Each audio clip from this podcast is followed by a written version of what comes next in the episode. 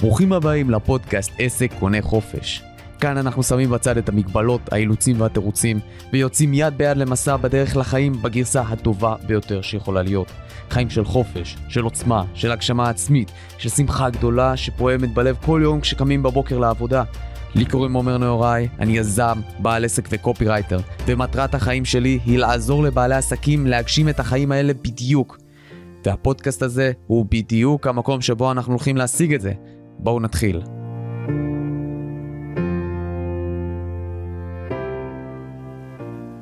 שלום לכולם, ברוכים הבאים לפודקאסט עסק קונה חופש, כאן עומר נהוראי, במסע האישי שלי והמסע שאני מקווה שכבר הפך לשלכם, לחיים של צמיחה, של עושר, של שגשוג ושל הגשמה עצמית דרך עולם העסקים.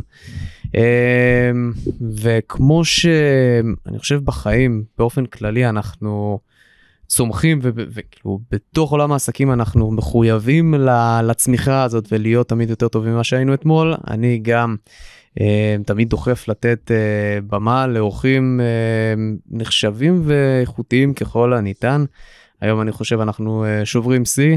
שיש לנו כאן אנחנו מארחים קליבר רציני, אושיית, אושיית שיווק והכי חשוב לקוח שלי סתם. יש בינינו כבר אנחנו הולכים הרבה מאוד זמן ביחד עושים הרבה דברים ביחד יש לנו. אפשר לומר תחביבים משותפים, ערכים משותפים, שזה לשווק ולהוציא את עצמנו לאור. אנחנו פה עם אליאב אלאלוף. אהלן. שלום לך אליאב. מה המצב? מצוין, איזה כיף שאתה פה, אני שמח מאוד, uh, שמח מאוד שיש לי את ההזדמנות פה לארח אותך. מגניב להיות פה. אני לגמרי, כאילו, אני חייב לומר, אתה לא יודע איך הכרתי אותך. לא. באמת. לא. לא. יפה, היה לי, אה, או שנפתח בזה, כן, בוא, בוא נתחיל עם זה. אתה, אתה יודע הרבה דברים עליי, אני יודע הרבה דברים עליך, אבל את זה אתה לא יודע. אני, אה, כשהחלטתי, אתה יודע, בסוף הכל, כל הצלחה בחיים מתחילה בהחלטה. ההחלטה שלי הייתה בשלב מסוים, לפני די הרבה זמן אפילו הייתי אומר, אה, שאני רוצה לעבוד עם, שאני בוחר את מי שאני עובד איתו.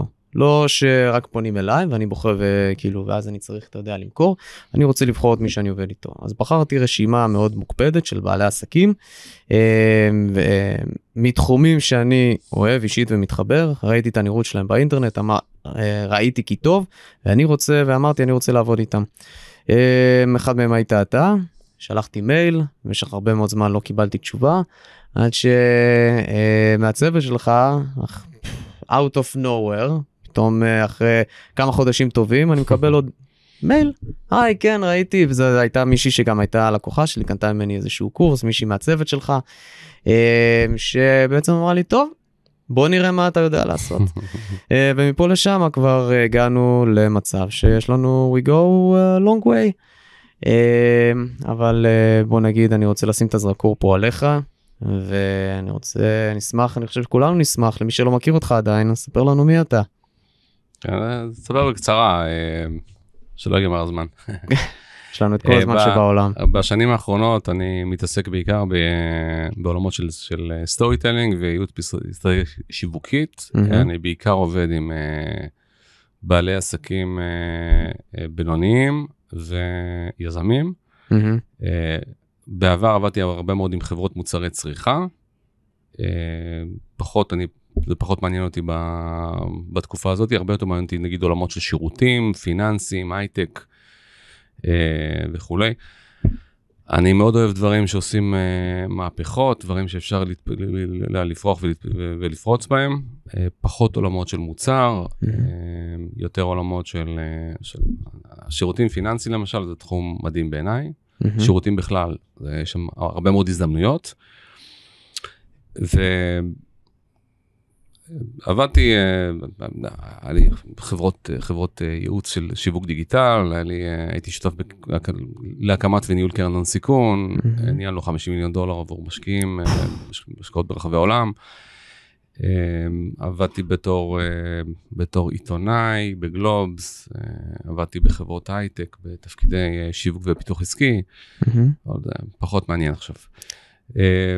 מה שבעיקר התשוקה שלי בשנים האחרונות זה לקחת, לקחת אנשים שעושים עבודה נהדרת אבל יש בהם איזה, איזה מוטיב של נאיביות שיווקית. מהמם. זאת אומרת, הם אה, מרגישים ש, ששיווק זה דבר רע, שיווק זה דבר מניפולטיבי, שיווק זה דבר שהם לא אמורים לעשות בכלל, זה לא טבעי להם, מהמם. ואלה הלקוחות הכי טובים שלי. מי שיש לו מוצר נהדר, אני קורא להם יהלומים לא מלוטשים. זאת אומרת, אנשים שיש להם מוצר נהדר, אבל יש בהם איזה נאיביות, איזה משהו שחוסם אותם מלהביא את המתנה שלהם לעולם. כן, להבדיל מהרבה, מהרבה מאוד אנשים שאנחנו מכירים, שהם עושים עבודה בינונית, כן, מהמם. אבל השיווק שלהם מדהים. כן, ואז אתה כאילו קונה ומתאכזב, ואז אתה אומר, אה, כולם רמאים, כאילו כזה. ואני אומר, איזה עולם נפלא היה אם האנשים שעושים עבודה נהדרת, היו גם משווקים נהדר. זה ממש, אה, כאילו זה מעורר בי, אני חושב, את ה... בוא נגיד איזשהו מסע לתוך העולם הנפלא הזה, שבו אתה אה, באמת אנשים שראויים לכך, אה, מקבלים את הבמה ולא פוחדים ממנה בעצמם. אה, וכשאתה אומר את הדברים האלה, זה ממש נשמע לי שיש פה אה, לא רק... פוט... לא רק יזמים שהם פוטנציאל לא מלוטש, אלא עולם שיש בו פוטנציאל לא מלוטש. החיים של כולנו יכולים להשתנות אם יהיו לנו בעצם עבור... אה, בוא, בוא אני אגיד לך איך זה מתחיל.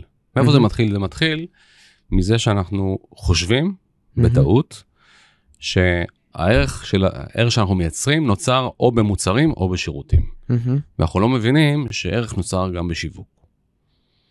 אוקיי. עכשיו, מה זה אומר? אתה אומר, רגע, אני רגיל שאני, אם אני עכשיו אה, אה, מייצר בקבוק, אה, לא יודע, בקבוק סודה, מהמם. כן, או שאני נותן שירותים משפטיים, אז זה ערך. נכון. ואני אומר, זה חלק מהערך. אבל יש גם חלק ש- של הערך שנוצר בשיווק של הדבר. כן, מה, מה, מה זה בפרסום? לא, כאילו, שיווק זה לא רק פרסום, שיווק זה הכל. עכשיו, יש הרבה מאוד דברים שהם כאילו, וקשה לנו איתם כי הם אמורפיים, נכון? כי. זה, מה זה אומר חוויית לקוח, או ממשק משתמש, או איך מגדיר, כאילו, קש, קשה לשים את זה האצבע. רעיון גדול. אבל זה לא מוחשי, בגלל זה. העבודה. שאתה עושה היא עבודה לא מוחשית. כן, אז אתה, אתה יכול להגיד לי, אני עושה דפי נחיתה, אבל זה לא נכון. זה לא מה שאתה עושה, זה החלק הפיזי של מה שאתה עושה. מהמם. זה לא כל מה שאתה עושה. אז העניין הוא שיש... זה עכשיו, קצה הקרחון. אוקיי, אני- אני- ממש. בוא, בוא, בוא ננסה להוריד את זה לקרקע, כן? מהמם. יש לי עכשיו מוצר שאני, שאני, שאני משווה. אני חושב שהערך נוצר רק במוצר או רק בשירות. מהמם. ואז אני, אה, אה, אם הערך נוצר רק בשירות, אז אני פשוט צריך לשים את המוצר, להודיע לעולם שאני מוכר אותו, מהמם. ואנשים יבואו לקנות. בפועל זה לא קורה. ואז אני אומר, אה, לקוחות מטומטמים. ואז מה, מה עושים? אתה מוריד אני, אני, מחירים. צריך, אני צריך, לא, אולי להוריד מחיר, אולי אני צריך לפרסם. ואז אתה אומר, אוקיי, אני אפרסם. ואז המטומטמים יגיעו. עכשיו, המ- שה- שהמטומטמים במרכאות כמובן, כן, שהם מגיעים, הם עדיין לא מבינים מה אני מוכר, ולא מבינים למה זה טוב, ואז הם לא קונים. אז אתה. אומר, אה, אין, אין ברירה, אני צריך לעשות כמו אחרים ולרמות אותם כדי למכור להם. מהמם. בסדר? ואז אתה, אתה אומר, אוקיי, בעצם האופציה שלי בחיים זה להיות אחד משניים. או להיות אדם הגון שעושה עבודה ישרה ועובד קשה, ואז לא קונים ממנו, או קונים ממנו מעט מאוד, או להיות נוכל רמאי ושקרן, ואז למכור הרבה. זה שתי אפשרויות. בתפיסה עכשיו- שלהם. זה, עכשיו, התפיסה הזאת מגיעה מזה שאנחנו חושבים שהערך נוצר במוצר או בשירות בלבד. ומה שאני אומר, שערך נוצר גם בשיווק. עכשיו, אני אתן לך דוגמה. מהמם. נגיד שיש לי עכשיו, אה, ש, שאתה עכשיו קיבלת על עצמך את התפקיד של אה, לקחת את החבר'ה לצימר. מהמם. עכשיו אתה, אומר, אנחנו נגיד שלושה זוגות, ואתם רוצים לקחת שלושה חדרים, ואתה אחראי, כאב ראש שלך. עכשיו אתה מסתכל ב- באיזה אתר אינטרנט, ואתה רואה שיש שלושה צימרים שנראים סבבה. אחד עולה 600, אחד 1,000, ואחד 1,500. מהמם. ומה אתה בוחר? הם נראים דומים. שאלה טובה. לכאורה אם אין הבדל ביניהם אז תבחר את זה ב-600. נכון, אתה אמור לבחור את זה ב-600, אבל מה, רוב האנשים יגידו לך, לא, לא, אני אבחר ב-1000 או ב-1500. למה? כדי לא לצאת קמצן. אחד, אני מפחד לצאת קמצן. זה הערך העצמי להיות. שלי, זה הדימוי העצמי. זה אחד. שתיים, מה קורה אם אנחנו מגיעים לצימר והוא לא טוב? מי אשם? בוא, זה תלוי מי שילם. נכון? סליחה, זה תלוי בכמה שילמתי. זאת אומרת, אם עכשיו שילמתי 1,500 שקל והצימר לא טוב, מי אשם? הצימר. כן? כי אני עשיתי מה שאני יכולתי, נכון? שילמתי לה- לאופציה הכי יקרה, נכון? לקחתי את הכי טוב, לכאורה. אבל אם שילמתי רק 600 שקל, והצימר לא טוב, מי אשם? אני. כי התקמצנתי, נכון? ואז יש פה שאלה של אה, איך אני מול אנשים אחרים. כן? ובממשק הזה של אני מול עצמי, והממשק של אני מול אנשים אחרים, נוצר הרבה מאוד ערך שיווקי. כן, עכשיו שאני מסביר נגיד, אה, כן, זה כמו, זה כמו הדוגמה שאני מסביר מה ההבדל בין יעילות לאפקטיביות. כן, בעולם ש, שבו רק המוצר חשוב, רק השירות חשוב, זה עולם של יעילות.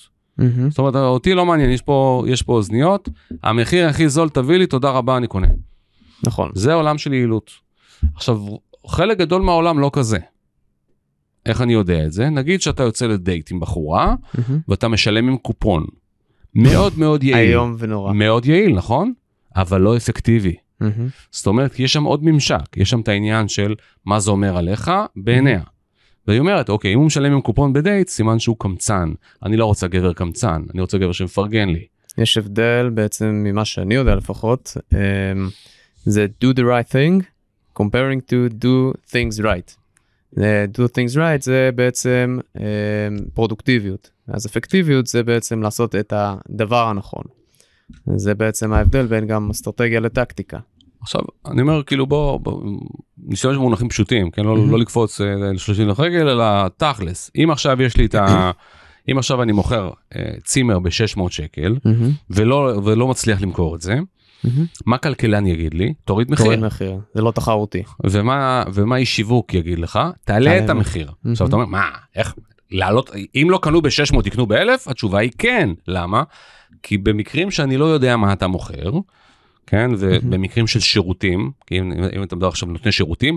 אין לי מושג מה אתה מוכר. אתה יכול להגיד לי בערך אה, שאתה נגיד נותן ייעוץ, ייעוץ משפטי או ייעוץ פנסיוני או ייעוץ למשכנתאות מהמם. או, או יחסי ציבור, אין לי מושג מה זה אומר.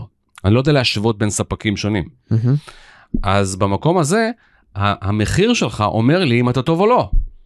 כי אם אתה זול, סימן שאתה לא טוב. המחיר הוא סטט, הוא סמל סטטוס הוא, בעצם. הוא סיגנל, הוא סיגנל ש, ש, שמלמד אותי על המוצר שלך. הוא, מהמם. המחיר הוא לא רק עלות.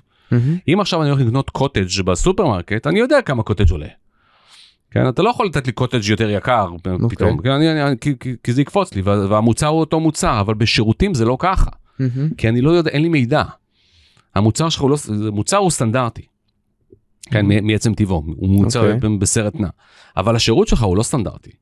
השירות שלך הוא קונטקסטואלי, זאת אומרת, הוא תלוי בהקשר. אם אתה עכשיו, אתה יכול לעבוד עם מישהו אחד, הוא יהיה מאוד מאוד מרוצה, ותעבוד, לעבוד עם לקוח אחר והוא יהיה ממש לא מרוצה. אתה לא השתנית, אבל הממשק שלך עם הבן אדם, עם, ה, עם הסוג עסק, עם הסוג לקוח הזה, עם, ה, עם המפרט הספציפי שלו, לא Mhm. עבד, או כן עבד. אז בעולם כזה שיש בו הרבה מאוד אי ודאות, מחיר נותן לי ודאות. מהמם.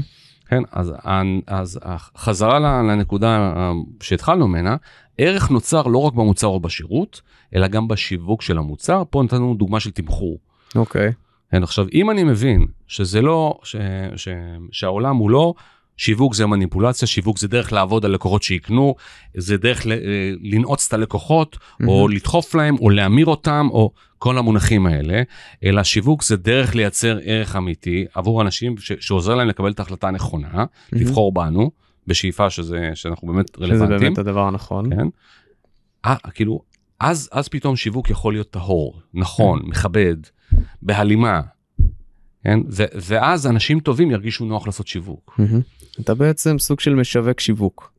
אתה משווק את השיווק לעולם. אתה, אתה, צריך, אתה צריך כאילו להבין שרוב הבעיות שיש לנו עם, עם הרבה מאוד דברים. הם לא קשורים לדברים עצמם. הבעיות לא קשורות לדברים, הן קשורות ל, ל, לגישה שלנו לדברים. זאת אומרת, ה- ה- אם יש לנו בעיה עם משהו, בדרך כלל הבעיה מתחילה בנו, בגישה שלנו. עכשיו, זה שאנחנו מסרבים לשנות את הגישה, זה כבר בעיה בפני עצמה. זה שאנחנו לא מכירים בזה, זה כבר בעיה. זה שאתה אומר, "אה, זה סתם פילוסופיה, זה בעיה. אה, עכשיו, נגיד, זה שיש לי עכשיו בבורסה בתל אביב, 1,200 קרנות נאמנות, ויש רק אה, 550 מניות, מהמם. זה בעיה. למה צריך 1,200 קרנות נאמנות? למה יש?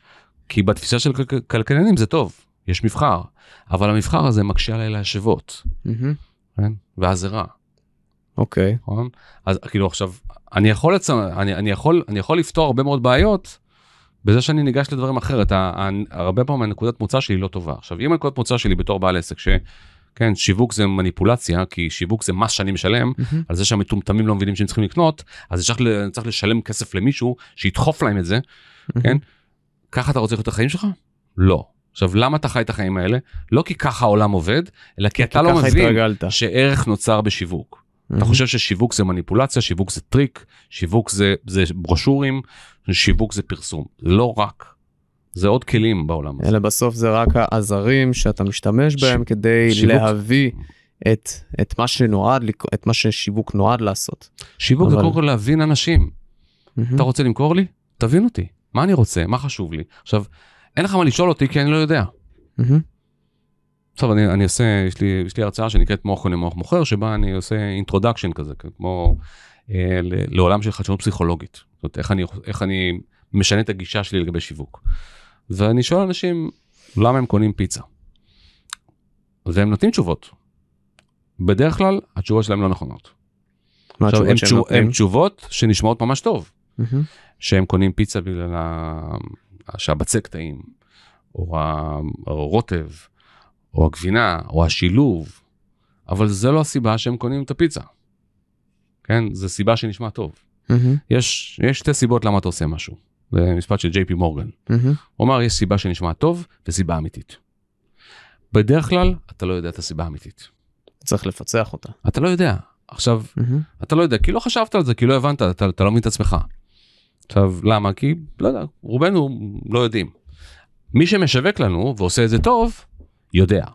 כן, נגיד, אם, אם, אם תבוא לאנשים באפל, אז אנשים באפל כנראה מבינים אותך טוב. או אנשים באיקאה, או אנשים בדייסון, או אנשים בטסלה, הם מבינים מה חשוב לך ומה אתה רוצה ומה מניע אותך. ואתה הרבה יודע? יותר טוב ממך. מה אתה יודע? אתה יודע, אתה יודע על דברים מסוימים, על, על מצבים מסוימים, אתה לא יודע את זה על הכל. לא, אני שאלתי אם אתה יודע. לגבי מה? לג... אתה, אתה, לא יודע לגבי כולם. אבל אם אתה לוקח קונטקסט נתון, אז בחר כן, קונטקסט שנוח לך ותגיד לי מה אז- מניע אנשים. אז, אז אתה כן, נגיד במקרה של פיצה, קונטקסט שנוח לך. אה, בוא, בוא ניקח תגיד המקרה של פיצה, כן? כשאני שואל אנשים מה הדבר שאחרי שהוא בפיצה, אז אמרו לי משהו שקשור לטעם. נכון, הם מציינים איזשהו אלמנט, או השילוב של הדברים, או זה, אבל הטעם, טעם זה מה שחשוב בפיצה. ואני אומר להם, אוקיי, בסדר, מה, מה המותג יש פיצות הפיצה? עם אותו טעם שעולות 30 שקל ופיצות שעולות 90 לא, שקל לא. באותו טעם באותו גודל. לא, לא, לא, בלי להתחכם, מה, מה מותג הפיצה המצליח בישראל? אה, פיצה, דומינוס פיצה. דומינוס כן. ב- ב- פער אדיר, כן? כן. דומינוס פיצה זה הפיצה הכי מצליחה בישראל. בעולם בכלל, כן? גם בישראל.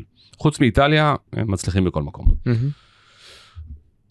אוקיי, אז אם, אם מה שחשוב לי בפיצה זה הטעם שלה, מהמם. והפיצה הכי מצליחה זה דומינוס פיצה, סימן, לוגיקה, שפיצה שזה הכי פיצה. דומינוס היא הפיצ- היא הפיצה הכי טעימה בישראל. ואתה אומר, לא, לא, אבל זה לא נכון, היא לא מהמם. הפיצה הכי טעימה. אוקיי, אז זה אומר שאחד מהדברים לא נכון. או שפיצה דומינוס היא לא הכי מצליחה בישראל, או ש- שהטעם לא הכי חשוב. עכשיו, מהמם. זה שהפיצה היא הכי מצליחה בישראל זה עובדה, מהמם. כן, זה נתון. אז כן. הטעם לא הכי חשוב. אז הטעם לא הכי חשוב. עכשיו אתה אומר, אוקיי, אז מה, מה, אז מה כן חשוב? אה, אני יודע, אני יודע, השירות, המותג, הזמינות, אה, זה- לא משהו. עכשיו, זה תירוצים כבר. אני מנסה להצדיק, כאילו, אני ממציא תירוצים כדי להישמע חכם. מהמם. אבל זה לא הסיבה. עכשיו, מה אנשים לא עושים כשאני שואל אותם את זה? הם לא חושבים איך הם מרגישים כשהם מזמינים פיצה. מה החוויה שקורית תחשוב, אצלם כנס, בראש. כנס לעצמך, בדיוק, כנס לעצמך, תחשוב, רגע, מתי, מתי אני מזמין פיצה שאני שבע או רעב? כשאני רעב. כשאני רעב אני סבלני ו- ואכפתי, ונכון, יש לי, יש לי אורך רוח, נכון? אתה לא. רוצה- אתה רוצה משהו עם הידיים לאכול ואתה אני רוצה אותו רוצה- כמה שיותר מהר. כמה שיותר מהר, נכון? עכשיו, אני אני עצבני. רוצה לך האיש נכון. מערות הזה, מה... לחלוטין, אה, האיש food עכשיו האיש now. מערות הזה מה הוא רוצה? הוא רוצה מהר. עכשיו יש חברה אחת שהבינה את זה והיא אומרת אתה לא, אתה לא סתם רוצה מהר, אתה רוצה ודאות שזה יגיע מהר. מהמם, והם מספקים לנו ודאות שהפיצה תגיע תוך 30 דקות. מהמם. עכשיו בשנייה הזאת ב... יש לך אימפולס, כן, זה לא מודע, אתה לא חושב את זה, אתה מרגיש את זה. מהמם. ואתה, אתה, האימפולס הזה אומר, אני חייב לאכול עכשיו או שאני אמות. ואז אתה אומר, אוקיי, יש לך מקום בראש שבו שמור שם, איזה כזה, מתויק שם, זה, פיצה תוך 30 דקות בהתחייבות. כשאני רעב אני הולך לפ-. לדומינוס פיצה. בדיוק. אני רוצה, אני, אני מקבל מוצר שהוא סבבה, מהמם, בוודאות, מגיע תוך 30 דקות. מהמם. לא משנה מה. עכשיו, תחשוב, אם לא מפרסמים את ה-30 דקות האלה, כבר, אני חושב, 30 שנה. ואנחנו עדיין יודעים את זה. כן? עכשיו, הקטע של הזה, איך אתה יודע את זה? זה, זה כאילו, זה מתויק לך במוח. מהמם. זה, זה כזה. עכשיו, אני עשיתי אה, לפני כמה שנים אה, מחקר בקרב קבוצת ילדים, בני 12 עד 15, ועשיתי להם את התרגיל הזה. והם הם הסבירו לי שמה שחשוב להם בפיצה, שהיא תגיע תוך 30 דקות. אמרתי להם, כאילו, מאיפה אתם יודעים את זה? אז אמרו לנו, ראינו את הפרסומת של דומינוס. אמרתי להם, הם לא מפרסמים את זה כבר מלא שנים. איפה ראיתם את זה? לפני שנולדתם. הפסיקו לפרסם את זה, כי. נהרגו שליחים. אז כמו בוולט. אז עכשיו עכשיו הם, עוש, הם כאילו השליחים מגיעים מהר כן. זה, זה לא בדיוק 30 דקות זה 35 דקות לא משנה זה מגיע עכשיו זה לא באמת חשוב לך שזה יהיה 30 דקות. זה הוודאות. הוודאות. עכשיו אם אני אגיד לך שמע אתה, אתה יכול לחכות לרכבת 6 דקות אבל זה לא ודאי או רבע שעה בוודאות. מה אתה לוקח אנחנו לוקחים רבע שעה כן. 6 דקות בלי ודאות זה נוראי מהמם. כן. כי זה יכול להיות. גם חצי שעה. כי, אני, לא, אני לא יודע זה בעצם ההבדל. השש דקות זה, עובר כמו נצח. עכשיו רבע שעה אתה אומר "או, אוקיי מצוין יש לי זמן לשירותים לקנות קפה לשבת לעשות קצת אינסטגרם מגניב. זה מה שאתה בעצם, אה, כשאתה מדבר על, אה, כמו בשוק המניות, או בכל השקעה שהיא, אתה תקבל תשואה יותר גבוהה, יש פה איזשהו trade-off בין תשואה גבוהה לבין חוסר ודאות. כשאתה אתה- תעדיף לשלם יותר על אה, תשואה שהיא יותר ודאית, כאילו על תשואה שהיא יותר ודאית, גם אם היא יותר נמוכה. זה משהו שהוא די, אה, די, מוק, די מוכר וידוע. העניין זה לא זה, זה לא מבחן IQ החיים זה לא מבחן IQ בחיים זה, זה מה, מה אתה עושה מול מה אתה לא עושה ותחשוב שאתה נגיד עכשיו גט טקסי למשל. כן דוגמה של חברה שהביאה חדשנות לשוק. מה החדשנות שלהם? המוניות מגיעות יותר מהר? לא אתה יודע מתי. המונית מגיעה עכשיו מה הם, הם, זה, הם מתחילים מרגע שהזמנת את המונית הוא אומר לך רגע אני מחפש לך מונית אה מצאתי לך. זה עוד 13 דקות אצלך. מה אתה אומר 13 דקות נו בסדר יאללה. ואז הוא מודיע "אה, הנהג יגיע תוך 9 דקות אה יש 9 אני דקות יותר. מהר. עכשיו מי קבע שזה יותר מהר? אם אם היית מתקשר עכשיו לכזה מוניות השקם כזה בטלפון הוא אומר לך 5 דקות. פעם זה היה מגיע 9 דקות והיית מתעצבן למה איחרת? מהמם. פתאום תשע דקות זה טוב. למה? כי הכל יחסי. עכשיו הם מנהלים לך את ההרגשה הזאת. עכשיו יש לך עוד דברים שאתה מקבל כשאתה מזמין מונית בטלפון כן? ואם היא יוצרת בהמשך הרחוב בטעות. או כי הנהג לא רוצה לעשות פרסה או כל מיני דברים כאלה או בצד שני של זה הרחוב קורה גם בגט, כן? קרה לי השבוע. יכול להיות. אה, לא אומר שלא אבל יש יותר הסתברות שאתה תדע איפה המונית כי אתה רואה אותה על האפליקציה. במוניות כאלה שאתה אתה צריך להתקשר כי אתה גם לא יודע אם זה המונית שלך. איך. תזהה אותה מונית מרצדס יש מלא. כן, כן. או אתה יודע מונית לבנה כולם לבנות כאילו מהמם. איך אני יודע שה- שזה הרכב שלי. באפליקציה- בגט פתרו את הבעיה. בגט או אובר או אתה, אתה אתה רואה מי הנהג אתה יכול להתקשר אליו וכולי מהמם. אז כל אבל כל העניין כל החדשנות שם היא לא קשורה למונית עצמה מהמם. היא קשורה, קשורה לאיך אני מרגיש לגבי ההזמנה. אוקיי. הם מנהלים לי את ההרגשה שלי בכלל. אז המקום שלנו ועל זה אני מדבר כשאני מדבר על עולם של שיווק מדבר על עולם רחב לא רק איך אתה מוכר לי אלא איך אני מרגיש בחוויה. איך אתה, איזה תפיסה אני המשווק מייצר לך, שת... כן, פשוט זה, איזה תפיסה אני רוצה לייצר אצלך, אפשר לקרוא לזה עולם עיצוב, התפיס... עולם עיצוב התפיסה. איך, את- נגיד איך אם- אתה גורם לי להרגיש, איך אתה גורם לי לתפוס משהו, איך אתה גורם איך לי לראות של- אותו, בדיוק. ואז בהתאם לזה אני גם יודע כמה אני באמת מוכן לשלם על זה. אמרת מקודם שזה מייצר ערך, אה, כאילו שיווק מייצר ערך, אני לא חושב שבדיוק שיווק מייצר ערך, אבל הוא מעגן אצלנו ערך, ואנחנו דיברנו על זה בהקשר אחר, אבל זה מזכיר לי כשבעצם כשאני, כשאתה אומר, אני מוכן להשקיע כסף, אני מוכן להשקיע אקסטרה כסף, סימן שאני גם אקסטרה מחויב, ואז כשאני מחויב אני גם משיג תוצאות. כשאתה משלם לי למשל פי 2, פי 3, פי 5 ממה שאתה משלם לקופירייטרים או לאנשים אחרים, למומחים אחרים שמכינים דפי מכירה, דפי נחיתה.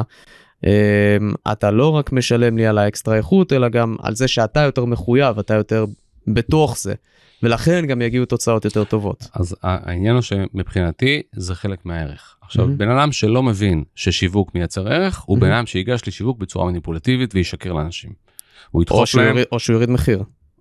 הוא- יפגע בעצמו ובאחרים אבל מהמם. כאילו אה, כאילו זה זה זה זה כל משם באות תקלות. אתה צריך אוקיי. להבין ש, שהעבודה של כאילו עבודה שלנו ב, בלשווק את המוצר שלנו זה, זה להבין קודם כל איך אנשים אחרים רואים אותנו עכשיו מהמם.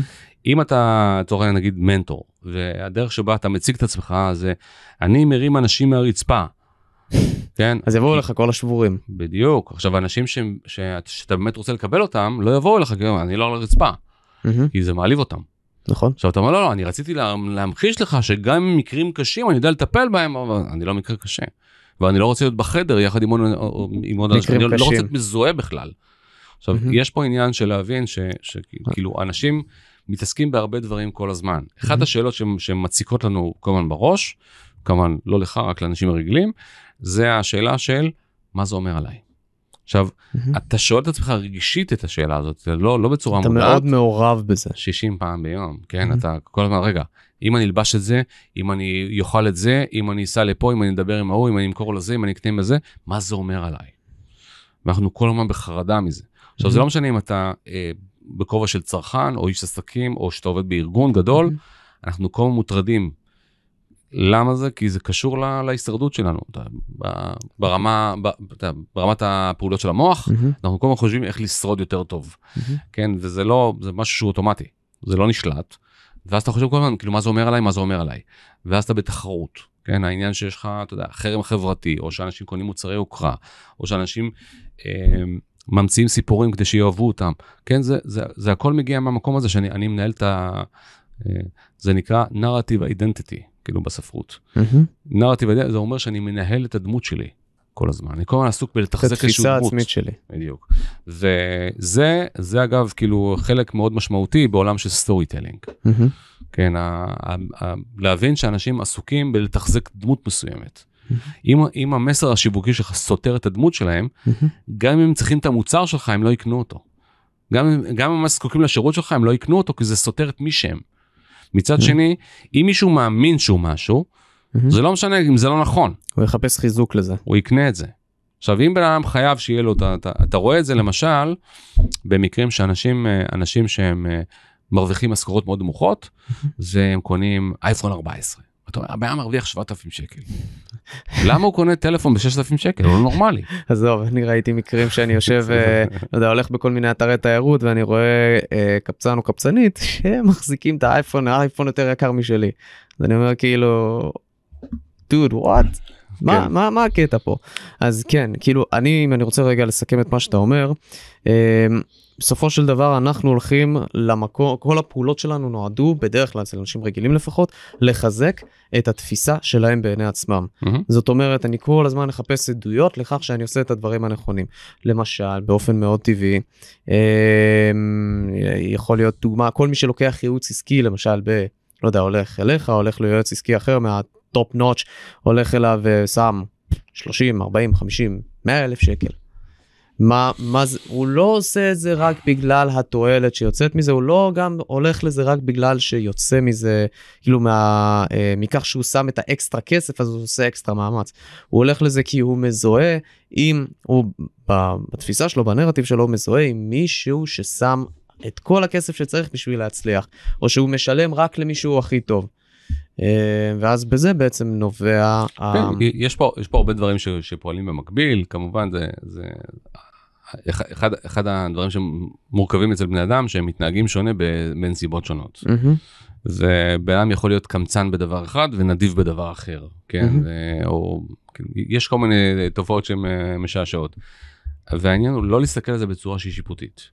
לא לכעוס, לא לחנך. אסור לא- בשיווק, לא בתכלית האיסור. לחנך, לא לחנך, אלא להבין, להבין שיש שם, שם מישהו, לא, כאילו, ו- ולהבין מה מניע אותו. עכשיו, אם יש לך מוצר, הצעה שהיא רלוונטית, אז תציע אותה. אם לא, אז תעזוב את זה. כן, אתה כאילו, הקטע של המרדף אחרי מספרים הוא לא נכון בעיניי. איום ונורא. אה, עכשיו, כאילו, בס- בסוף, כאילו, אחד הדברים שאתה, שאתה, אם אני רוצה להגדיר מה זה, מה ההבדל בין שיווק שהוא מכבד לשיווק מניפולטיבי, מהמם. התוצאה של שיווק מניפולטיבי זה שאתה מתחרט בתור צרכן ש- שביצעת את הפעולה. מהמם. כן, מכרו לך את האוזניות האלה, והן לא מתאימות, הן לא טובות, הן מקולקלות, או הן לא מתאימות לך, או, כן, ואתה מתחרט שקנית אותן. שיווק אז- לא טוב. אז כן, אבל אולי השיווק- המוצר- השיווק- אולי השיווק טוב והמוצר לא טוב. עכשיו זה לא משנה. או שלא יכול להיות מוצר לא לא לא, יכול להיות מוצר לא יודע- טוב עם שיווק טוב. אם אתה יודע שה, שהשירות שלך הוא לא מתאים לבן אדם, למה מכרת? אחד הדברים שצריך לשאול, כאילו לוודא שה, שהמוצר שלך מתאים לאנשים. אם עכשיו מישהו בא אליך עם, אה, ואומר, אני רוצה שתכין לי בבקשה דף נחירה פגז. ואתה מסתכל על, ה, על ה, מה שהוא מוכר, אתה אומר, שמע, מה שאתה רוצה למכור פה, לא משנה מה, לא יקנו. עכשיו הוא אומר לך, עזוב, זה לא בעיה שלך, אני מוכן לשלם לך. אתה תגיד לו, למה? אז שלם לי ואז מה יקרה? אתה תכעס, אתה תהיה מאוכזב, אתה תתלונן, אתה זה. יוציא לי שם רע, למה? למה לי? כאילו בסכום שתשלם לי, אתה, אני, אני, אני קונה צרות בעצם. למה? ותחשוב על זה שאם הבעיה, המטרה שלך זה למכור לאנשים שגם יהיו מרוצים בעצמם ולא יתחרטו שהם קנו. וגם שבשאיפה יביאו, אה, ימליצו לו חברים. כן, אוקיי. העניין של פקטור של אמון, של... ככה אני רוצה לעבוד. מהמם. עכשיו, אה, אני גם רוצה את ה-reference customers. מה, מה זה reference customers? זה אנשים ש, שאני, אחד, אני עובד איתם, הם, הם, הם מרשימים מאוד אחרים, ויש הרבה כמוהם. מהמם. יש או שהם או שהם יש הרבה כמוהם בדיוק אותו דבר או שיש אה, מרשימים הרבה אחרים ואז כשאני קונה מהם זה מרשים אחרים כי הוא אומר אה אם אה, אם עבדת עם אה, קוקה קולה אז הם- זה מדהים אם עבדת עם בנק פועלים וואו אז אתה, אתה סופר זה רציני סמל- סמל סטטוס. זה, זה נותן לי ביטחון. זאת מהמם. אומרת, אם אתה הדרך הכי קלה אה, כדי למכור לבנק לאומי זה להגיד שמכרת לבנק פועלים. זה, אבל זה ככה למה מהמם. כי בארגונים אתה יודע מה יותר טוב מזה? מה? להגיד שאתה במשא ומתן גם עם בנק, אה, עם הבינלאומי. זה, בהרבה מאוד מקרים זה לא מפריע שאתה, שאתה מוכר גם וגם תלוי מה אתה. מוכר אם אתה מוכר מוצר או שירות וזה. הבחנה חשובה. מוצר לא מפריע לי לקנות אותו דבר כמו המתחרה שלי כי זה מוצר. שירות אני רוצה יחס אישי אני רוצה בלעדיות אני רוצה תשומת לב. עכשיו כשאני מוכר כאילו, כשאני מוכר למישהו שירות הוא לא מוכן לקבל רק את מה שכתוב. הוא רוצה תמיד את האקסטרה את התשומת לב את האוזן הקשבת מהמם. את, ה, את ההרגשה שהבנתי באמת מה הוא רוצה ומה הצרכים שלו ו, ומה מה החזון המיוחד שלו. כן? זה, זה הבדל מהותי מאוד של מוצר ושירות, כי שירות, אנשים רוצים להרגיש שאתה, שאתה רואה אותם.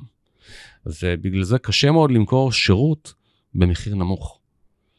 כי לא. משנה כמה מעט בן אדם משלם לך, הוא לא מוכן שתתייחס אליו כמו סרט נע. הוא לא מוצר. נכון? הוא לא קנה מוצר, הוא קנה שירות. ואז הוא רוצה גם לקבל יחס אישי. ויחס אישי אתה לא יכול לתת בצורה של קנה מידה גדול. אוקיי. יש לי מגבלה.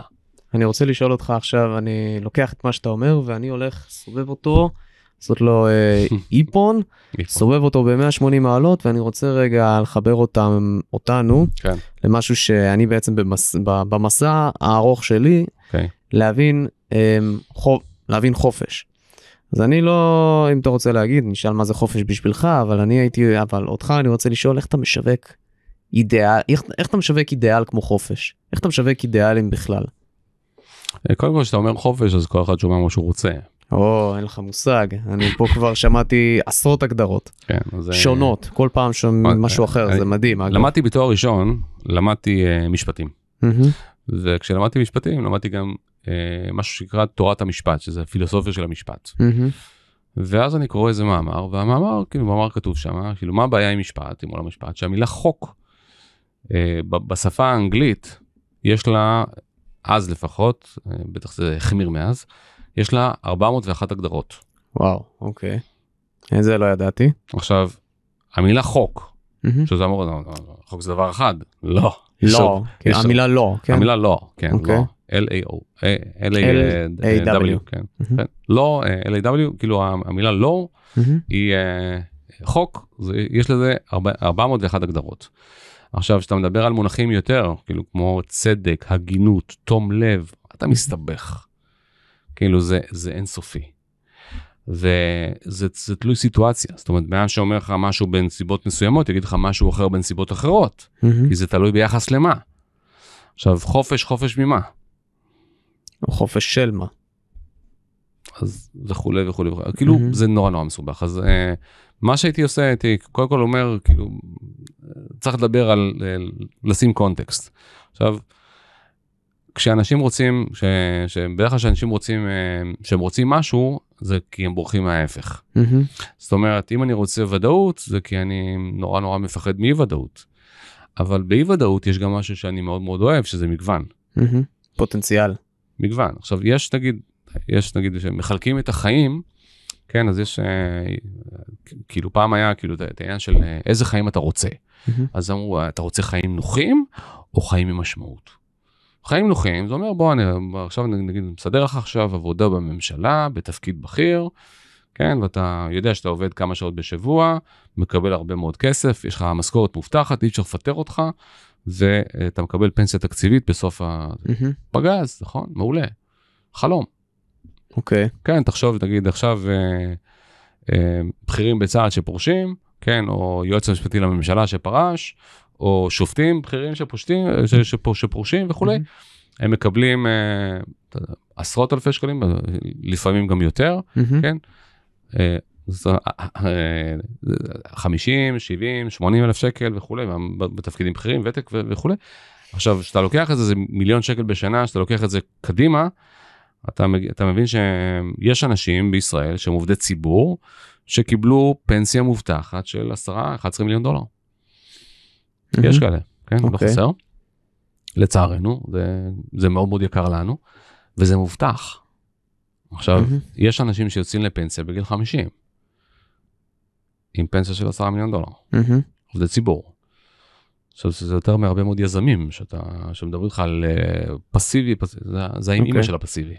כן, זה פנסיה, כן. זה מובטח, ו... ואין מה לעשות עם זה. עכשיו, כשהם הולכים לעולמם, בת הזוג שלהם, או בן הזוג שלהם, תלוי ב- אם זה מהמם. גבר או אישה, ממשיך, ממשיכים לקבל את הכסף הזה. אוקיי. זה, זה, זה, זה נשמע לי כמו סידור לא רע בכלל. זה עכשיו, חיים של- הוא- זה חיים נוחים. זה מאוד הבנ- מאוד... הבנו את עכשיו, העניין. עכשיו זה אנחנו- מאוד מאוד נוח. עכשיו, לפעמים יש לך גם אה, חיים של משמעות. חיים של משמעות זה בדרך כלל חיים שעוסקים במישהו אחר. מהמם. כן, משמעות שלנו עוסקת בא- באחרים. זאת אומרת, אם אני עכשיו אה, אימא תרזה כזה שדואגת לרעבים ב... ב- ב- בקלקוטה. ב- whatever, כן, בהודו, בהודו, בדרום כן. אמריקה וזה, או לא אוקיי. משנה מה. כן, אז זה, זה חיים של משמעות. אני, אני מקריב עבור אחרים. מהמם. יש סצנה בסוף אה, שינדלר ליסט, אוסקר שינדלר, שהוא מסתכל Mhm. על הטבעת שלו. הוא אומר, יו, איך שמרתי את הטבעת הזאת? יכלתי, יכלתי לתת אותה ולהציל עוד שלושה אנשים. נכון? זה, זה כאילו חיים של משמעות. זה בן אדם שמבין שמה מה חשוב לו באמת, מה, מה, זה, זה, זה המשמעות שלו בעולם, וזה אומר מה נתתי לאחרים. עכשיו, ולאחרונה, בעשור האחרון, גילו עוד סוג של חיים. מה ששמו לב שיש גם עוד, עוד דבר שנקרא אה, חיים של מגוון, חיים מעניינים. מהמם. ויש אנשים שהם, כאילו חיים של נוחים, אין לך תקלות. מהמם. כאילו, הכל מסודר, הכל. ויש לך אנשים שמשמעות שאתה אתה חי בהקרבה מסוימת. ויש לך את האנשים שהם חיים, חיים של מגוון. אה, זה, זה, נקרא, זה נקרא בשפה המקצועית אה, חיים של עושר פסיכולוגי. עכשיו, בעושר פסיכולוגי יש לי מגוון של חוויות, גם מהמם. חוויות לא טובות. אבל אני לא, לא תופס את זה כלא טוב, נגיד אם אני עכשיו אה, מטייל, ב, מטייל ונקלע למפולת שלגים, מהמם. כן, אני לא רואה בזה משהו רע, אלא הרפתקה. מהמם. זה, זה, זה מפחיד, אבל זה חלק מהכיף. מהמם. כן, כשאתה קופץ בנג'י, הפחד הוא חלק מהכיף, נכון? זה חוויה, זאת אומרת, זה אושר פסיכולוגי. מהמם. אני חווה את כל מנעד הרגשות, ואז החיים שלי הם לא מצומצמים לאיזה מין מקום קטן כזה. כן. עכשיו, וכמובן שאתה יודע, יש לך את השלושה סוגים האלה, ויש לך גם, יש לך כאלה שהם גם וגם, כזה על התפר, ושילוב של, אוקיי. וכן, יש, יש כל מיני, זה בני אדם, יש מתקשר מלא. לאנשי פלסטלינה שלך? לא, זה, זה ספקטרום של דברים, זה... לא, עכשיו- החיים מגוונים. עכשיו החיים כאילו החיים מגוונים אתה יודע, יש אה, יש הפלסטינים כאילו אני חילקתי את העולם לחלוקה אחרת שנקראת אנשי הברגים ואנשי פלסטלין עכשיו כן. זה לא זה לא הפכים. אלא יש ספקטרום שאני מסתכל עליו שאתה בארגון אם אתה עובד בארגון אתה אמור לתת לעשות משהו ש, שנקרא אתה אמור לעבוד לפי ספק נכון כי מה, מה זה עולם של ברגים אני בתור מנהל מה אני רוצה החלום שלי שהמפעל יעבוד כמו מכונה. מהמם. נכון? כדי שהמפעל יעבוד כמו מכונה, כל אחד צריך לעשות בדיוק מה, ש... מה שאני, מה שאני רוצה ממנו. במערכת. אני צריך לדעת מה הוא עושה, ושיהיה לי קל להחליף אותו. מהמם. כן, אבל אז השאלה היא, למה שאני ארצה להיות העובד? למה שאני ארצה להיות בעם שקל להחליף אותו? למה, אני, למה, למה שאני ארצה לעשות עבודה שהיא אותו דבר כל יום? עכשיו, חלק מהאנשים מוכנים לעשות את זה, וחלק מהאנשים לא מוכנים לעשות את זה. החלק שלא מוכן לעשות את זה, שחשוב לו לבטא את עצמו ולהיות עצמו ולעשות דברים ולהת... ו... ו- ולפעול ולהשתנות ולעשות עוד דברים חדשים, מהמם. אני קורא להם אנשי פלסטלינה. עכשיו, יש להם הרבה מאוד סוגים, כן, יש כאלה שעושים כמה דברים במקביל, יש כאלה דברים שהם עושים דברים בטור, אבל הם לא נשארים באותו מקום. זה... אתם חייבים מגוון. חייבים. עכשיו, מה שמאפיין בעיניי, אז מה- תגיד שאלה אנשים שחיים חיים של מגוון בעצם? אז עכשיו, עכשיו, אני דיברתי קודם, הקטע של עושר פסיכולוגי, זה אנשים שרוצים גיוון פסיכולוגי, הם רוצים לחוות את כל מנעד הרגשות. כי הם מבינים שאם אני, אם אני לא, לא יודע מה זה להיות רעב, אני לא יודע, אני לא- לא באמת מבין מה זה להיות שבע. אם אני לא מפחד, אז אני לא, לא יודע מה זה אומר ביטחון. אנחנו חייבים לחוות את, ה, את התחושה אתה ההפוכה. יודע גרסה מאוד דהויה של מה זה להרגיש ביטחון. אה, תראה, אה, אחד הדברים ש... בוא, בוא ניקח משהו שהוא פרקטי שקרה לנו בשנים האחרונות. אחת הבעיות המרכזיות של שוק העבודה כרגע, כן, אתה רואה שאנשים מתנהגים בצורה שהיא כאילו מוזרה, זה בגלל הקורונה. עכשיו, מה הקורונה עשתה? אל תסתכל על מה היא עשתה פיזית. הקורונה לקחה את הפחד הכי גדול שלנו, שזה הפחד להיות בלי עבודה. ואמרה לנו. הנה, הנה שנתיים כאלה והסתדרת. ואתה אומר, וואלה, לא כזה נורא. וזה דבר שנורא הפחיד אותנו. איך אני אסתדר בלי עבודה? איך, אני אשרוד? איך... אתה אומר, הנה, הם מסתדרים. או שאתה מוצא משהו הרבה יותר טוב מהעבודה הקודמת. אבל לקחת, זה הנקודה, אבל לקחת, לקח, כאילו, היא אימתה אותך עם, עם אחד הפחדים הכי גדולים שלך, ואמרה לך, הנה, לא כזה נורא. ואז אנשים אומרים, כן, נכון, אז למה אני כמו, למה אני נותן לאנשים לרדות בי, בשביל המשכורת העלובה שהם מציעים לי? לא רוצה. בוא, שב, ת- שב, תעשה, תעשה מה שאומרים לך, ובדיוק גם סיפרה לי, סיפרה לי מישהי שלפני, whatever, 15 שנה, שהייתה הייתה עובדת צעירה ב, בחברת תקשורת, פיטרו אותה, כי אכלה בננה בעמדה. אמרתי לה, מה זאת אומרת? היא אומרת לי, ישבת בעמדה שאני, של, של הטלפנית, אסור לאכול. והיא אכלה, היא אכלה בננה. הייתה רעבה, אכלה בננה, אז פיטרו אותה. עבר שם במקרה המנכ"ל, הסתכל עליה, ואחרי זה היא פוטרה. עכשיו, זה עולם של ברגים. מהמם. עכשיו, ב, כאילו, אתה, אתה רוצה להיות במקום ש, שגם המנכ"ל כועס עליך, הוא לא יכול לפטר אותך. כי הארגון כל כך צריך אותך. אוקיי. אז זה מה שאתה רוצה. אתה לא רוצה שלא יפטרו אותך למשל כי יש לך קביעות. אתה, זה לא המקום שאתה רוצה זה- להיות. זה, תראה, זה, אתה רוצה שהארגון יהיה תלוי בך. זה גם נחמד, זה גם נחמד, אבל מה לא- שאתה, לא לאנשים שלנו. מה שאתה, אנשים שיש להם מגוון פסיכולוגי, ש- שרוצים. עושר פסיכולוגי, הם חלק מה שמניע אותם, אנשי הפלסטלינה, מה. מה חשוב להם? לא חשוב להם מקום עבודה בטוח. הביטחון מגיע מהמיומנות שלהם. הם סומכים על עצמם. הם, עכשיו הם לא סומכים על עצמם סתם ככה כי הם משלים את עצמם, הם, הם, הם גם עובדים כל הזמן להיות יותר טובים. אחד המאפיינים של טאלנטים בהייטק למשל, שים לב, הם שואלים מי הבוס שאני הולך לעבוד איתו, אני רוצה לראות שאני יכול ללמוד ממנו. מהמם. אני רוצה לעבוד עם אנשים סביבי שהם חכמים, שהם יעשירו אותי בידע. אני רוצה להתפתח כבן אדם. למה הם רוצים את זה? אה, כי הם לא רוצים להיות תלויים באף אחד. הם רוצים למקסם את, ה, את הנתינה שלהם. מהמם. וכשאתה עושה משהו שאתה טוב בו, אתה גם לא תלוי באף אחד, אתה גם עושה משהו שאתה טוב בו, אתה גם נהנה מזה, גם משלמים לך על זה. כן, אתה, גם, אתה גם עושה משהו מיוחד. אחד, באחת החברות אה, הזמינו אותי אה, לנתח כאילו למה הרבה, הרבה מאוד טאלנטים אומרים להם לא. מהמם. ואז התקשרתי לאנשים האלה. הטאלנטים. כן, התקשרתי לאנשים שאמרו לא.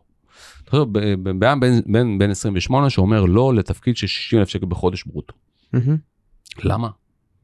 זה מלא כסף. כי אתה נשאר עם 30 אחרי בנטו. לא, זה לא העניין של, סתם, של אוקיי, המיסים. כן, הזה, כן, ברור. העניין הוא של, של, של הבן אדם הזה, ש, שהוא אמר לי, כן, אבל החברה כבר מצליחה. אז אמרתי לו, אוקיי, ומה רע בזה? הוא אומר לי, אני רוצה שהיא תצליח בגללי. אני לא מצטרף לרכבת נוסעת, אני רוצה חברה שהיא תצליח, ב- כאילו, אני רוצה להיות חלק מההצלחה. אם החברה מצליחה בלעדיי, אז אני לא צריך להיות שם. אוקיי. עכשיו, זה חשיבה של טאלנט. כן? עכשיו, אתה יכול להגיד, כן, לא ריאלי, כן ריאלי. יודע, אם אין לך ברירה, תעשה מה שאתה יכול. מהמם. אבל הוא, יש לו ברירה. כן? למה יש לו ברירה? כי הוא ממש ממש טוב במה שהוא עושה. הוא לא אומר שהוא טוב, הוא לא מרגיש שהוא טוב, הוא יודע שהוא טוב, כי יש לו מלא הצעות. מהמם. כן, אז ככה אתה יודע. יש מה שקרה, כאילו, תפיסת מציאות, יש מציאות, כאילו, אז. כאילו, אז הוא לא משלה את עצמו. איך זה קשור לשיווק בעצם? זה, למה שדיברנו קודם על אה, מוצר טוב מול אה, שיווק טוב. אה, כאילו, הקטע של, של אה, אחד זה להבין אנשים. אנחנו. רוצים להבין אנשים, שאלת אותי, אה, הגענו לזה מה- מהשיחה על מה זה חופש ומה מה חשוב לאנשים. וסוגי חיים וכולי. אז זה סוג מסוים של, של, של בן אדם. עכשיו, יש אנשים שתגיד להם, לא, לא, לא, לא, תן לי עכשיו את הפינה שלי ב...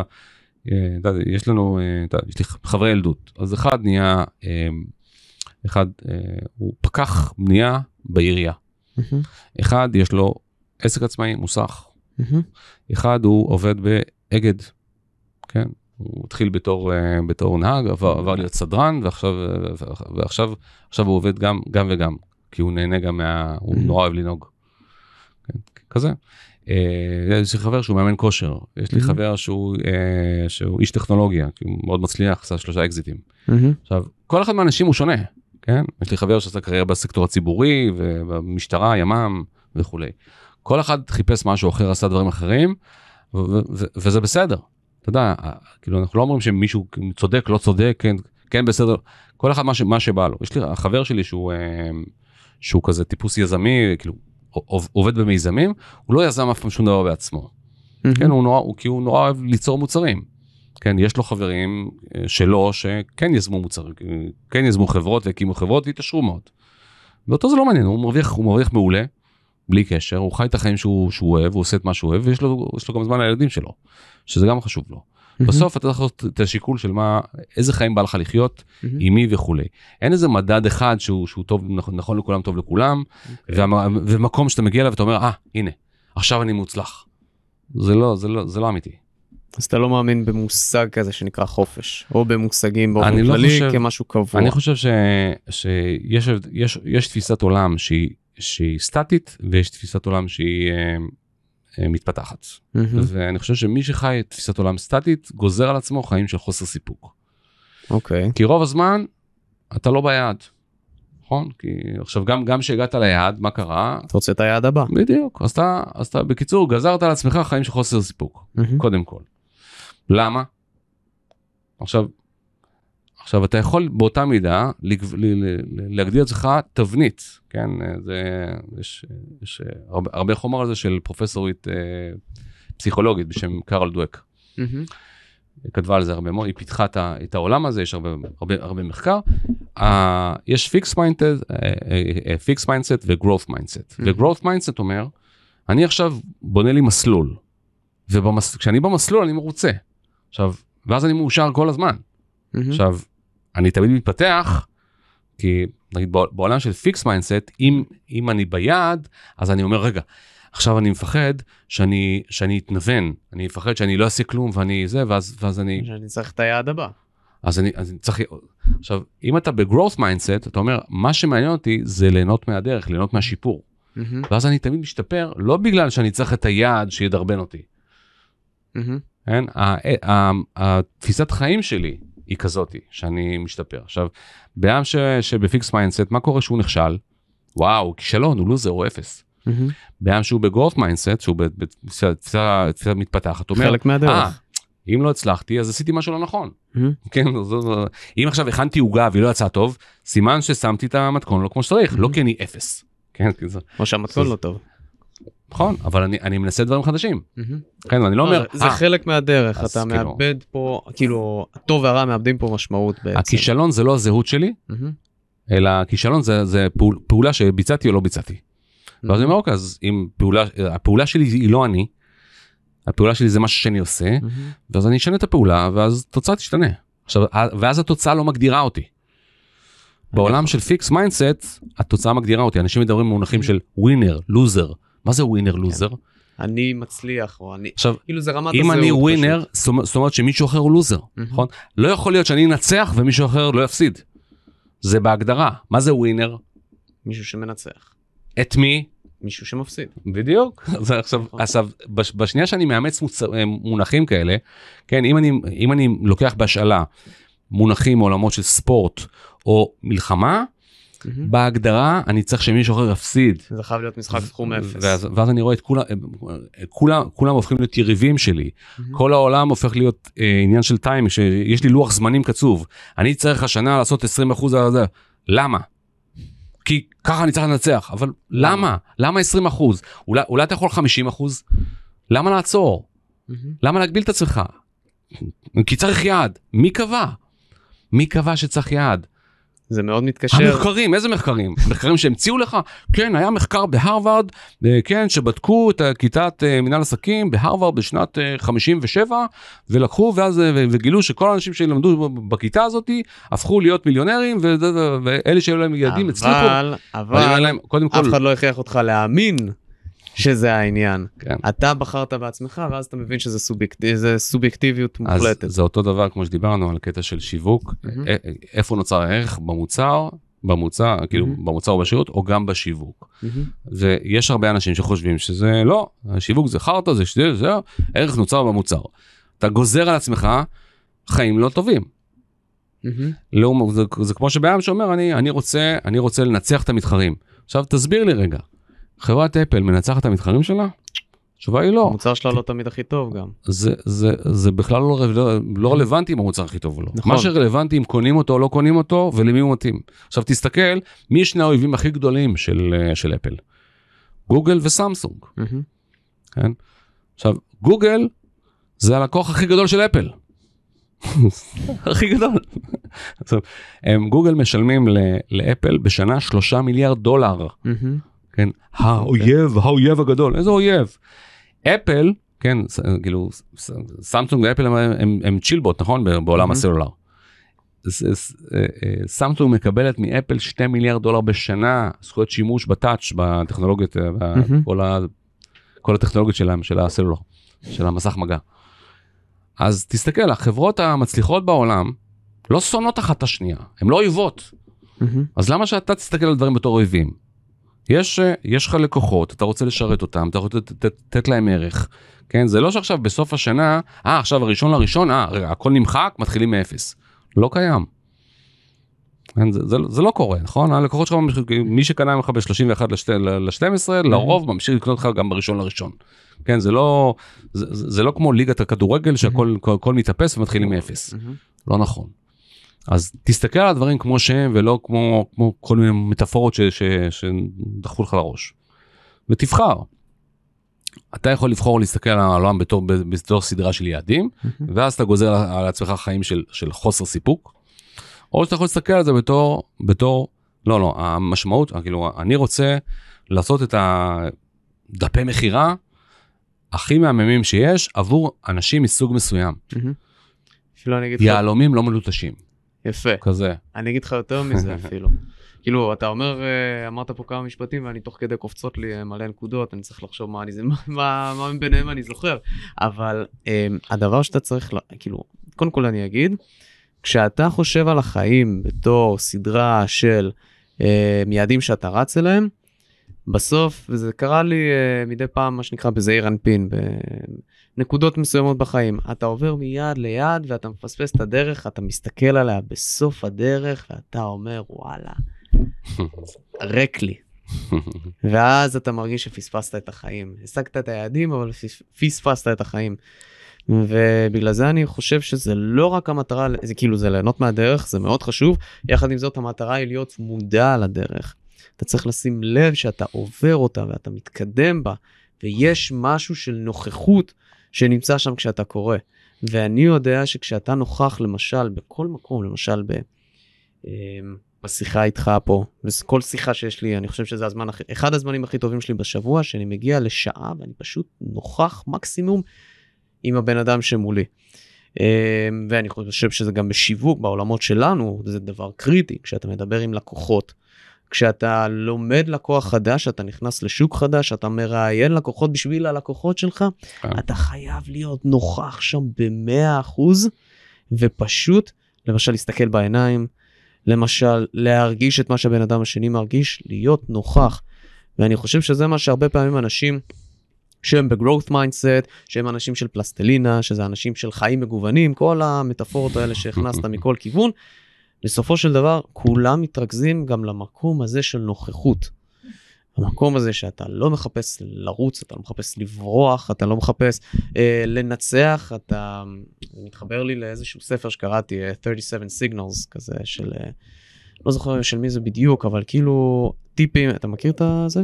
37 זה signals? נשמע כמו שם של משרד פרסום. לא, לא. אה, כן. ויש להם ספר שמדבר על זה. כן. אה, ואז אומרים שם אחד, אני חושב, אחד הפרקים הוא work is not war. וכאילו כל העסקים מדברים ולוקחים מושגים מתוך העולמות האלה של צבא ושל מלחמה ושל לתקוף את השוק, לפצח את כן. האבטר. די. תהיה נוכח, וזה משהו שמאוד אהבתי שאתה עושה, ואני כן. מאוד מקפיד על זה בעצמי, להיות בעבודה שהיא בסופו של דבר מעצימה את הלקוח ולא באה לחפש מנצח או מפסיד. ואני חושב שבאיזשהו מקום, אתה לא אמרת את זה ישירות, אבל המקום שלנו כאנשים שהם חופשיים, זה בסוף גם חופשיים מסטיגמות, חופשיים מהתפיסות של מה שאנשים אחרים אומרים עלינו, אה, וזה פשוט, זה, זה, זה, זה, אגב, כאילו, זה, זה סופר קשה לעשות. ברור, בוא, אני לא ברור. חושב שאפשר עד הסוף לעשות את זה.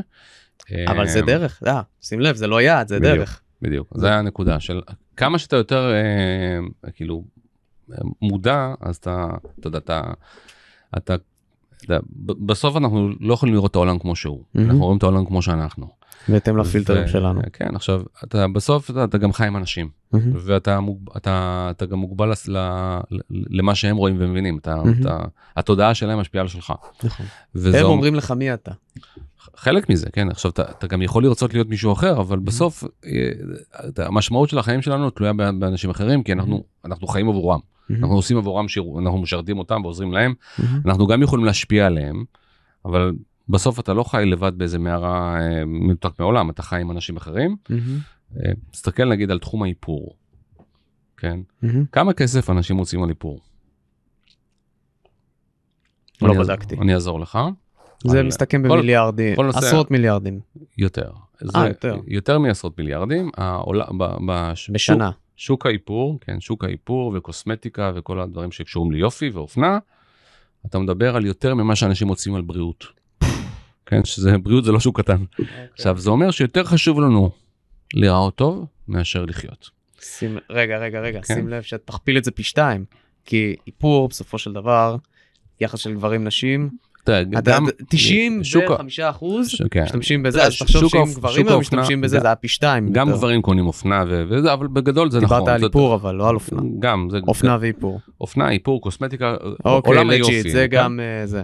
כן, עכשיו, אה, אפילו אם תיקח נושא, כאילו, כאילו תחום אחד, נגיד כמו שפתון, ליפסטיק, כן, אם אתה לוקח את כל הכסף שמוציאים על ליפסטיק בעולם, ואתה אומר, אתה אומר לא, לא קונים ליפסטיק, מהמם. במקום זה נותנים אוכל לעניים, לא היה, בעם, לא היה בן אדם עני. לא, לא, היה- לא היה אחד רעב בעולם.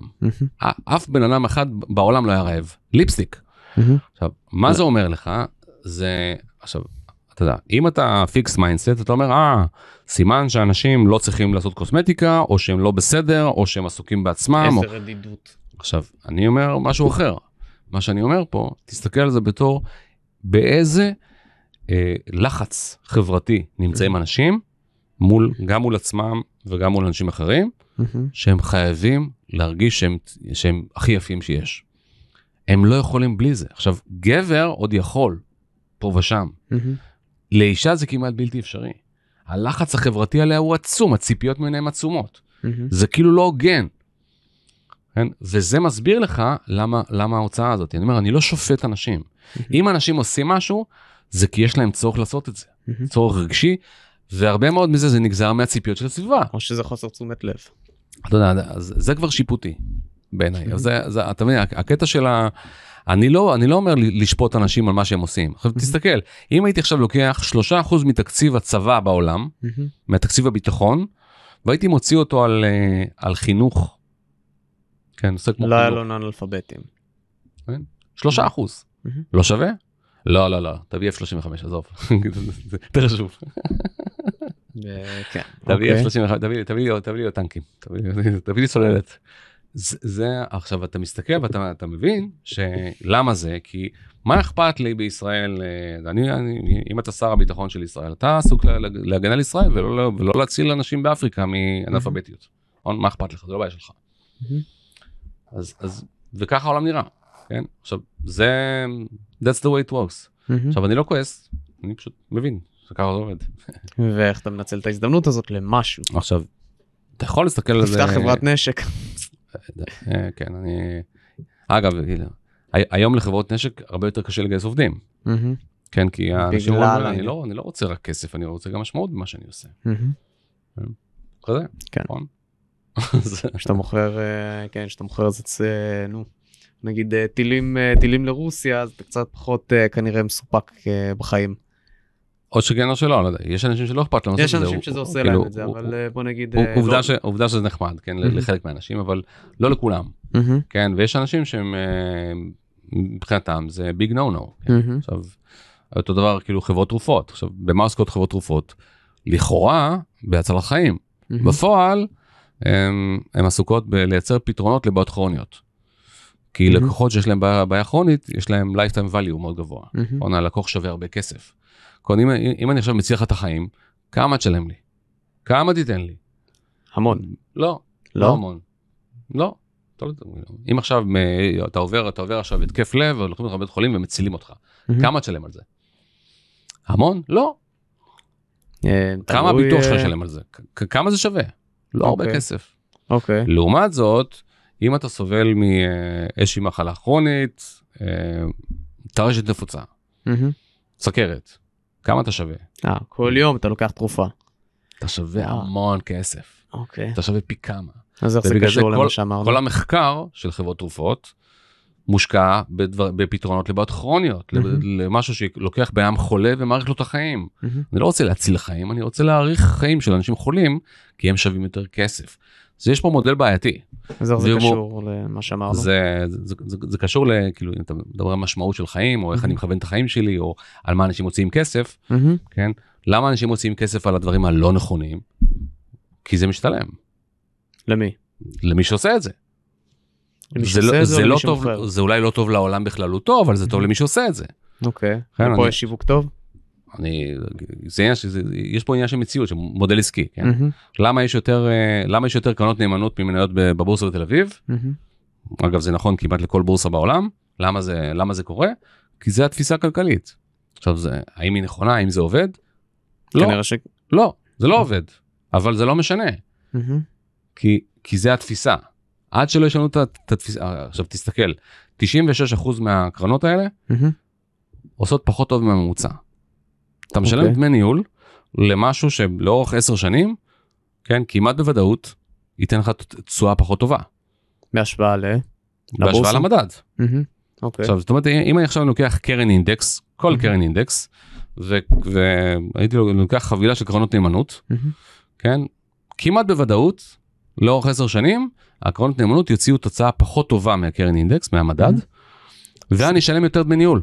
רוצה לעשות לנו רגע אישור קו על קרן נאמנות? במשפט? קרן נאמנות זה, זה גוף שאתה אתה נותן לו כסף ויש יש שם מנהל מנהל השקעות שיש לו שיקול דעת. הוא אה, בוחר איך להשקיע את הכסף שלך. לפי לפי איזשהו אה, תשקיף הוא נותן לך אבל בגדול יש לו, יש לו שיקול דעת. מהמם. הוא יכול להגיד לך אני משקיע 50% מניות ו50% אגרות חוב מהמם. אבל בתוך זה הוא יכול לעשות, הוא יכול לעשות מה שהוא רוצה. כל שהוא שומע על 50-50.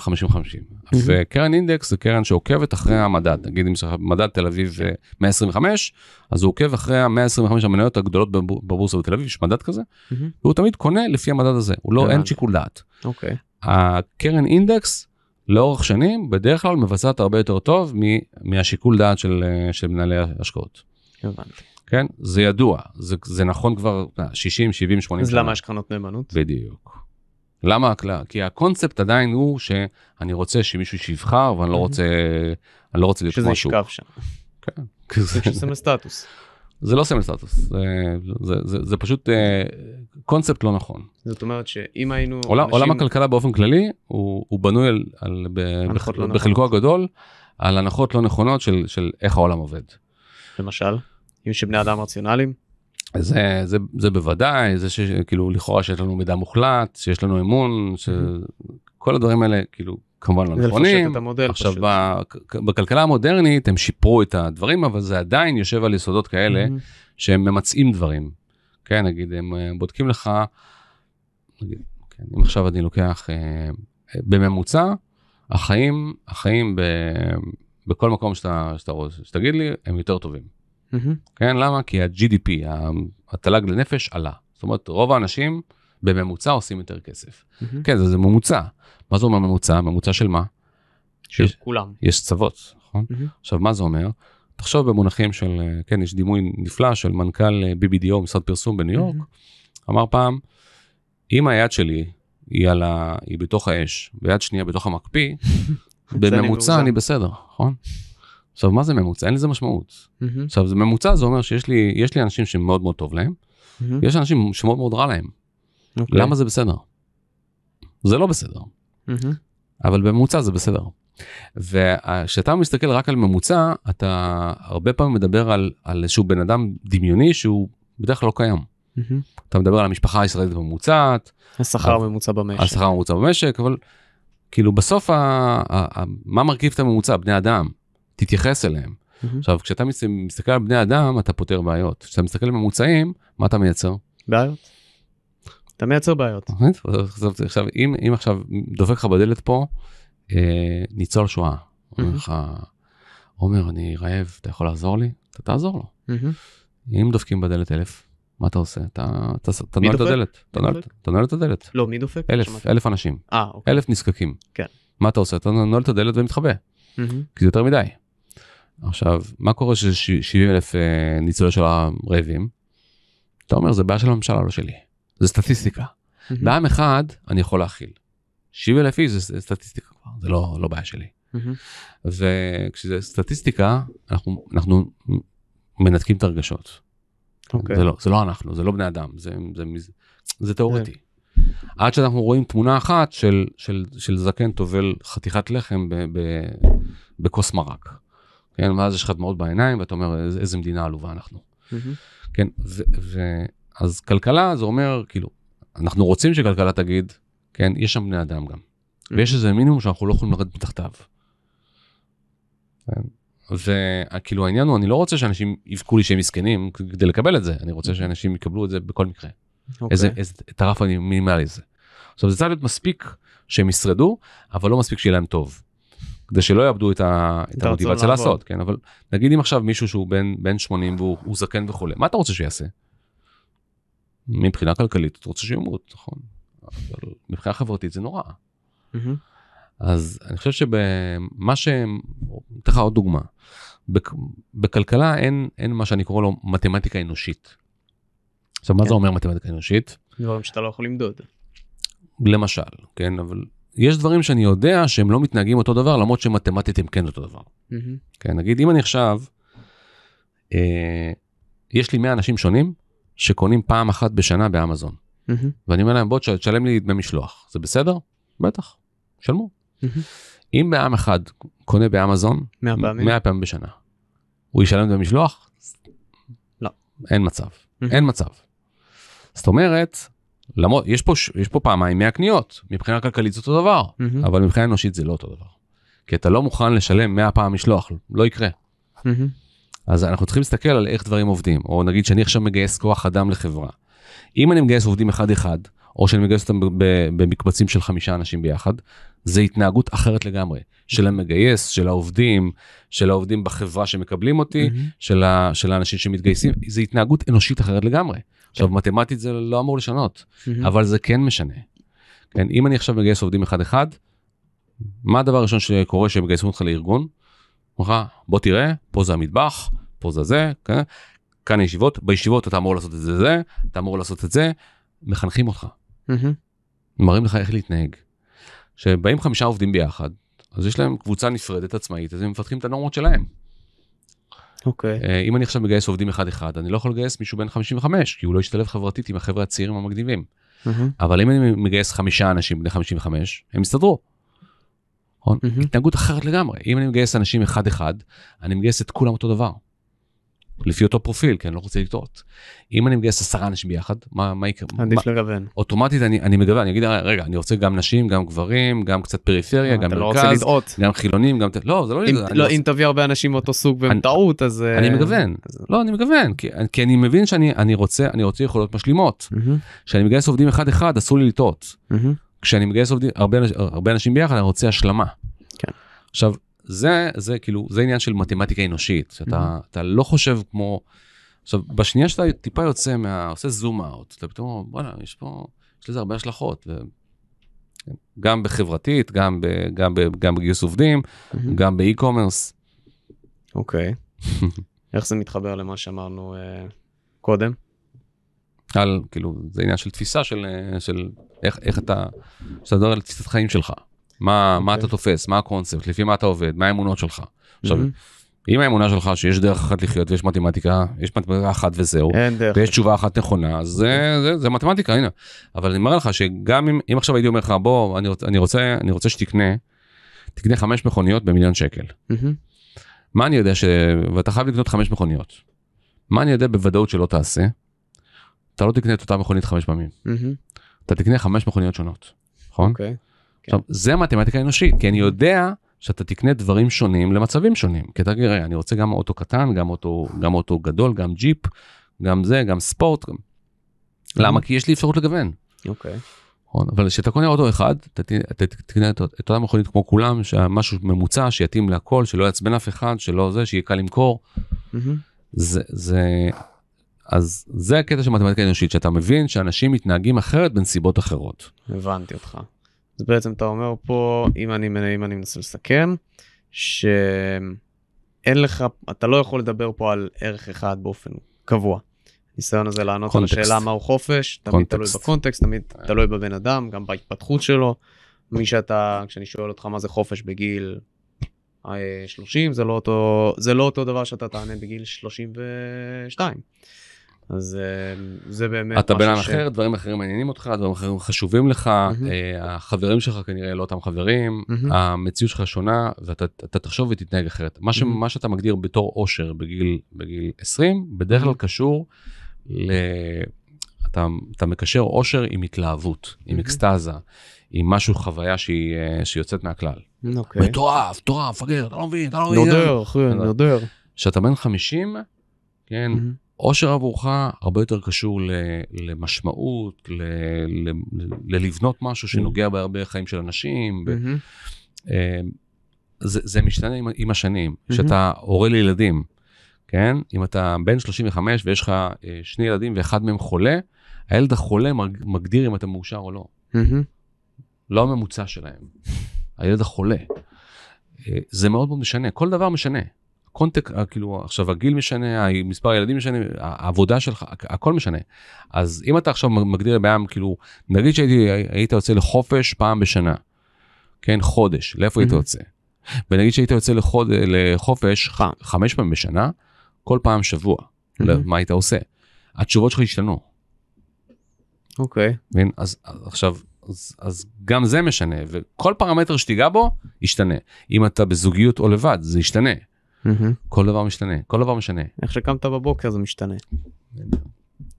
איך שאתה קם בבוקר ואיך שאתה הולך לישון, כאילו, איך שאתה ב-10 בבוקר וב-10 בערב, זה בדרך כלל לא אותו דבר. זאת אומרת שאם הייתי עושה את הפודקאסט הזה, אם היינו עושים את הפודקאסט הזה ב-10 בבוקר, או היינו עושים אותו אתמול, בערב, הייתי מקבל ממך תשובה שונה לזה. כנראה, יכול להיות, יכול להיות מאוד ש... אתה יודע, אם, אם, אם היינו עושים את זה עם אוכל ו, ובירה. או שהייתי עושה- את זה ב... לא יודע, על הגג, בחוץ, כל, כל דבר משנה. אני מארח אותך עם קפה, אולי אני צריך לארח אותך עם בירה בפעם הבאה. כן. בפעם הבאה. טוב, אז חברים, אם אתם שואלים את אליאב אלאלוף מה זה חופש, הוא יגיד לכם שאין דבר כזה. אין תשובה כזאת, או אין חיה כזאת, אני לא יודע. זה לא שאין כזה, היינו- יש, יש, יש אה, חופש, אבל זה משתנה. לא. זה יגיד שהכל משתנה. טוב, כן. אז פעם בפרק הבא אצלנו יהיה אצלנו הבודה שיגיד אה, את אותו הדבר. סתם. אה, טוב, חברים, קודם כל כן. אליאב, תודה רבה לך. שהיית פה, היה לנו ממש כיף, אני בטוח שכולם, כל מי שצופה וכל מי שמאזין מאוד מעריך את ה- אה, את הירידה לפרטים, את ההתעמקות, את העובדה שלא נתת פה תשובות חד משמעיות, אלא כן. באמת הצגת את הדברים מכל אה, הזוויות. באתי עם- באתי עם אה, אוקיי, עם- עם. מרפק טניס שלי. ו- אוקיי, אתה רוצה להסביר לנו מה זה מרפק טניס רק לפני שאנחנו מסיימים? זה משהו בגיד וזה, אני צריך... מת- אני מתאמן, אז זה- זה לא מטניס, אבל אה, אבל זה הרבה, אוקיי, אני יכול להבין את הזה. והחולצה שלך. מה יש שם? החולצה זה של אומן, אומן בן שמונה וחצי בשם איתמר. שהוא. הבן שלך. הוא לא, הוא לא? לא הבן שלי. אה, לא הבן אוקיי. שלי, הוא זה בן של- ככה. הוא בן של חברה. אבל אני באמת אוהב את החולצה הזאת. איזה נינג'ה. הוא לא, זה דדפול. אה, זה- אוקיי. זה- אה, זה נכון, נכון. ציור של דדפול. ציור של דדפול, לי, לי זה ממש כמו ניגה. ילד מוכשר וההורים שלו שמו לב לזה, אז אה, זה מה זה מה שקורה. כל הכבוד. כן, הורים, אם אתם אה, מאזינים לזה ויש לכם ילד מוכשר, תטפחו אותו. טוב, חברים, תודה רבה לכם שהייתם פה, היה חוויה, היה מאוד כיף, אליאב, שמחתי מאוד שבאת. בשמחה. אה, ואומנם אה, אתם לא יצאתם פה עם מילה או ערך או אידיאל אחד שהוא יוצא עם מה זה חופש, אבל אני חושב שלמדנו פה המון. אה, תודה רבה לכם שהייתם כאן, מעריך את זה מאוד, ואנחנו נתראה בפרק הבא, ותזכרו שאומנם כסף לא קונה אושר, אבל עסק טוב קונה לכם חופש. יאללה ביי.